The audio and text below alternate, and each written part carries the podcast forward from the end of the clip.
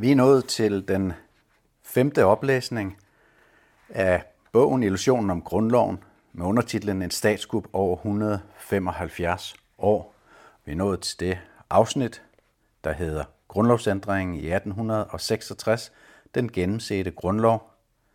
Og det er på side 32 i bogen.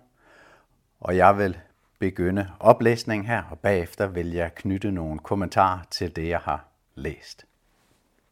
Jeg hedder Flemming Blækker, og det er mig, der har skrevet bogen Illusionen om grundloven.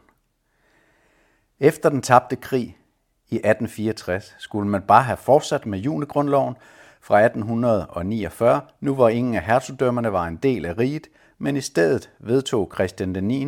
den gennemsete grundlov i 1866. Den er alt andet end gennemset ud fra et folkeligt perspektiv.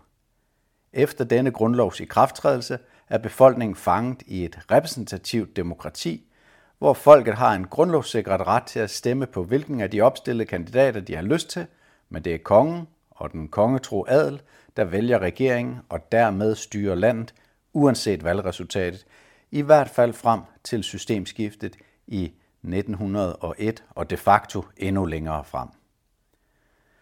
Der var ikke noget, der kunne misforstås i den gennemsete grundlov. Kongen fører forsædet i rigets højeste myndighed, som i 1866 benævnes statsrådet, til forskel fra rigsrådet, som er den benævnelse, der bruges i både 1855 og 1863. Kongen får den fulde magt over alle rigets anlægner, og kongen selv udpeger så stor en del af landstinget, at han ikke forløbig skal frygte demokratiske problemer fra de folkevalgte i Folketinget. Med den gennemsete grundlov undlader man at falde tilbage til, de, til det oprindelige forfatningsudspil, nemlig junigrundloven fra 1849, som det ellers var vedtaget i 1855 med de såkaldte grundlovsbestemmelser. Til med på et tidspunkt, hvor Danmark kun består af de hele danske områder, og hvor hertugdømmerne er fortabte for kongeriget. Det sker endda på trods af, at det netop var den officielt nedskrevne forudsætning for at vedtage helstatsforfatningen i 1855. Det er en vigtig jagttagelse, i det Folketinget i skrivende stund misinformerer om udviklingen af Danmarks riges grundlov. På Folketingets hjemmeside oplyses, at grundloven kun er blevet ændret fire gange siden 1849, hvilket ikke korresponderer med de seks gange, grundloven vidderligt er blevet ændret. Den officielle forklaring på, at blandt andet Folketinget undlader at medregne 1855 og 1863 grundlovsændringerne er, at man mener, at 1866-grundloven er bygget på junigrundloven fra 1849 og ikke på de grundlove fra 1855 og 1863, som skulle gælde for hele riget, inklusiv hertugdømmerne. Det er også korrekt, at hvis helstatsforfatningen af 1855 skulle ændres, skulle man vende tilbage til et udgangspunkt, som var junigrundloven fra 1849. Men det var desværre ikke det, der fandt sted, hverken i 1863 eller i 1866.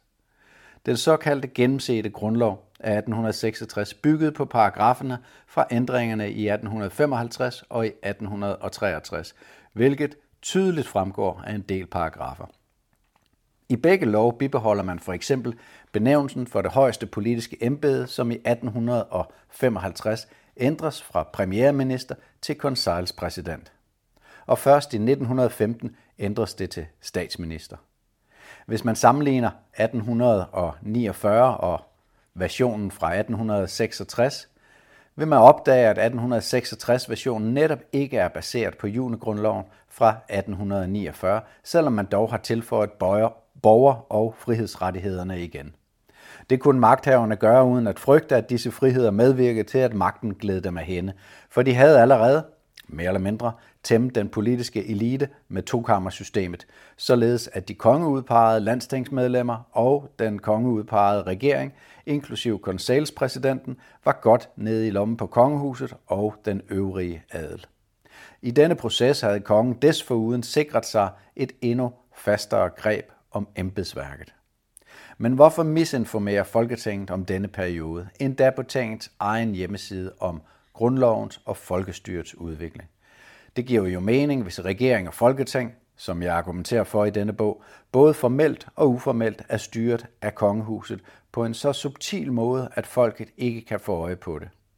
I så fald har Folketinget et klart motiv til at lyve om grundlovsændringerne i 1855 og 1863 ved at udlade omtale af dem, i det magthaverne, som er kongehus, adel, toppolitikere og topembedsmænd, ikke har nogen interesse i, at folket får lyst til at, op, til at rette op på de mange paragrafer i Danmarks Riges grundlov, som giver magten til kongehuset.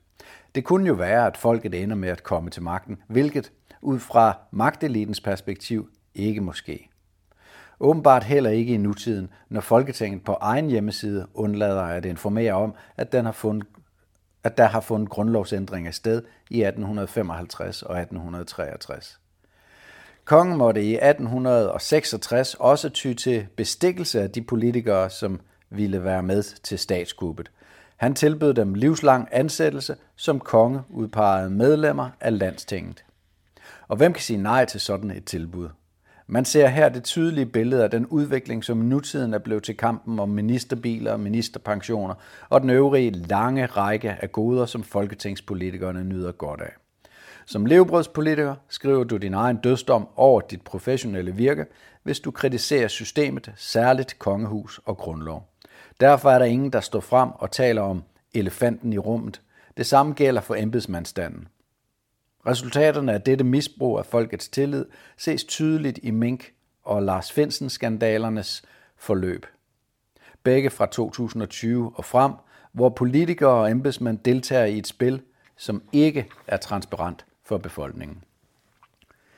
For at få spot til skade vedtages den gennemsete grundlov i 1866, uden at de agtage de såkaldte grundlovsbestemmelser fra 1855, og der finder dermed et grundlovsbrud sted under selve vedtagelsen af den version af grundloven, som desværre også en gang for alle lagde demokratiet på hylden. Det er meget sparet at undersøge alle de omstændigheder, som forårsagede grundlovsændringerne i 1855 og 1863, og som ledte til Christian 9's endelige fraskrivelse af demokrati i 1866. Det, som træder allermest frem, er, at det med tydelighed kan påvises, at kongefamilierne ikke har haft befolkningens ved og vel med i deres overvejelser.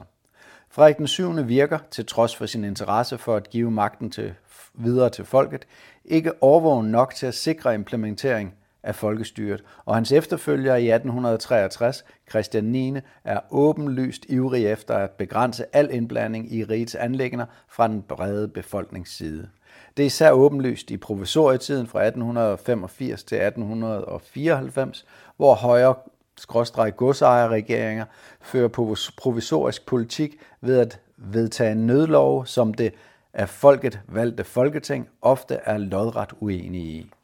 Blot de mindste folkelige opstande slås ned af Estrups blå gendarmer, og selv efter at den forhatte JBS Estrup går af som konselspræsident i 1894, vedbliver kongen at vælge nye højre, højre skråstreg godsejerregeringer indtil 1901. Og så i bogen er der så et billede her af attentatet på Estrup i 1885, hvor den unge typograf øh, Julius Rasmussen affyrede to skud på klodshold mod konsalspræsidenten. En yderst interessant detalje om provisorietiden er at attentatet på Estrup i 1885, der blev banebrydende for provisorietiden. Selvom Estrup forsøges myrdet af en ung typograf, Julius Rasmussen, som affyrer to skud mod ham, deltager Estrup helt upåvirket i et middagsselskab umiddelbart efter overfaldet. Han bliver jo heller ikke sort, da patronen fra det første skud rammer en frakkeknap, og den næste kugle borer sig ind i stolpen på porten til hans bolig. Den unge typograf pågribes, fængsles og dømmes, og senere begår han selvmord i fængslet. Attentatet kommer som bestilt, for nu kan kongen og hans tro konselspræsident få presset meget frihedsberøvende og antidemokratiske love igennem, hvilket sker snart efter. Udover loven om de blå gendarmer er der tale om indskrænkning af befolkningens frihed via udvidelse af politiets mulige foranstaltninger over for befolkningen, indskrænkninger i anskaffelse og brug af våben, udvidelse af straffeloven og et tillæg til presseloven, der udvidede censuren. Den meget konspiratoriske læser vil måske tænke om attentatet, at det var et opsat, opsat scenarie. Jeg kan selv være i tvivl, men det er jo ikke muligt at lægge det afgørende bevis på bordet. Der er dog ingen tvivl om, at kongen og konsalspræsidenten efter attentatet fik det nøjagtigt, som de gerne ville have det. Om ikke andet udnyttede de omstændighederne til fulde. Folket blev underlagt en endnu strammere styring, og magthavernes greb om den politiske udvikling i Danmark blev tøjret i en lang periode derefter, som rækker længere frem end til systemskiftet i 1901. Og dermed er oplæsningen af det her afsnit, grundlovsændringen i 1866, den gennemsætte grundlov, færdig for i dag. Og her vil jeg så gå videre med at kommentere det her afsnit, som jeg lige har læst op. Meget, meget interessant. Øh, det er så kun for, øh, det er en lille ekstra øh, service for dem, som har valgt at støtte mig økonomisk, enten med, jeg mener det er 55 kroner om måneden, eller 525 kroner om året her på denne her Substack-kanal, som jeg kalder Illusionen om Danmark. Og tak til jer,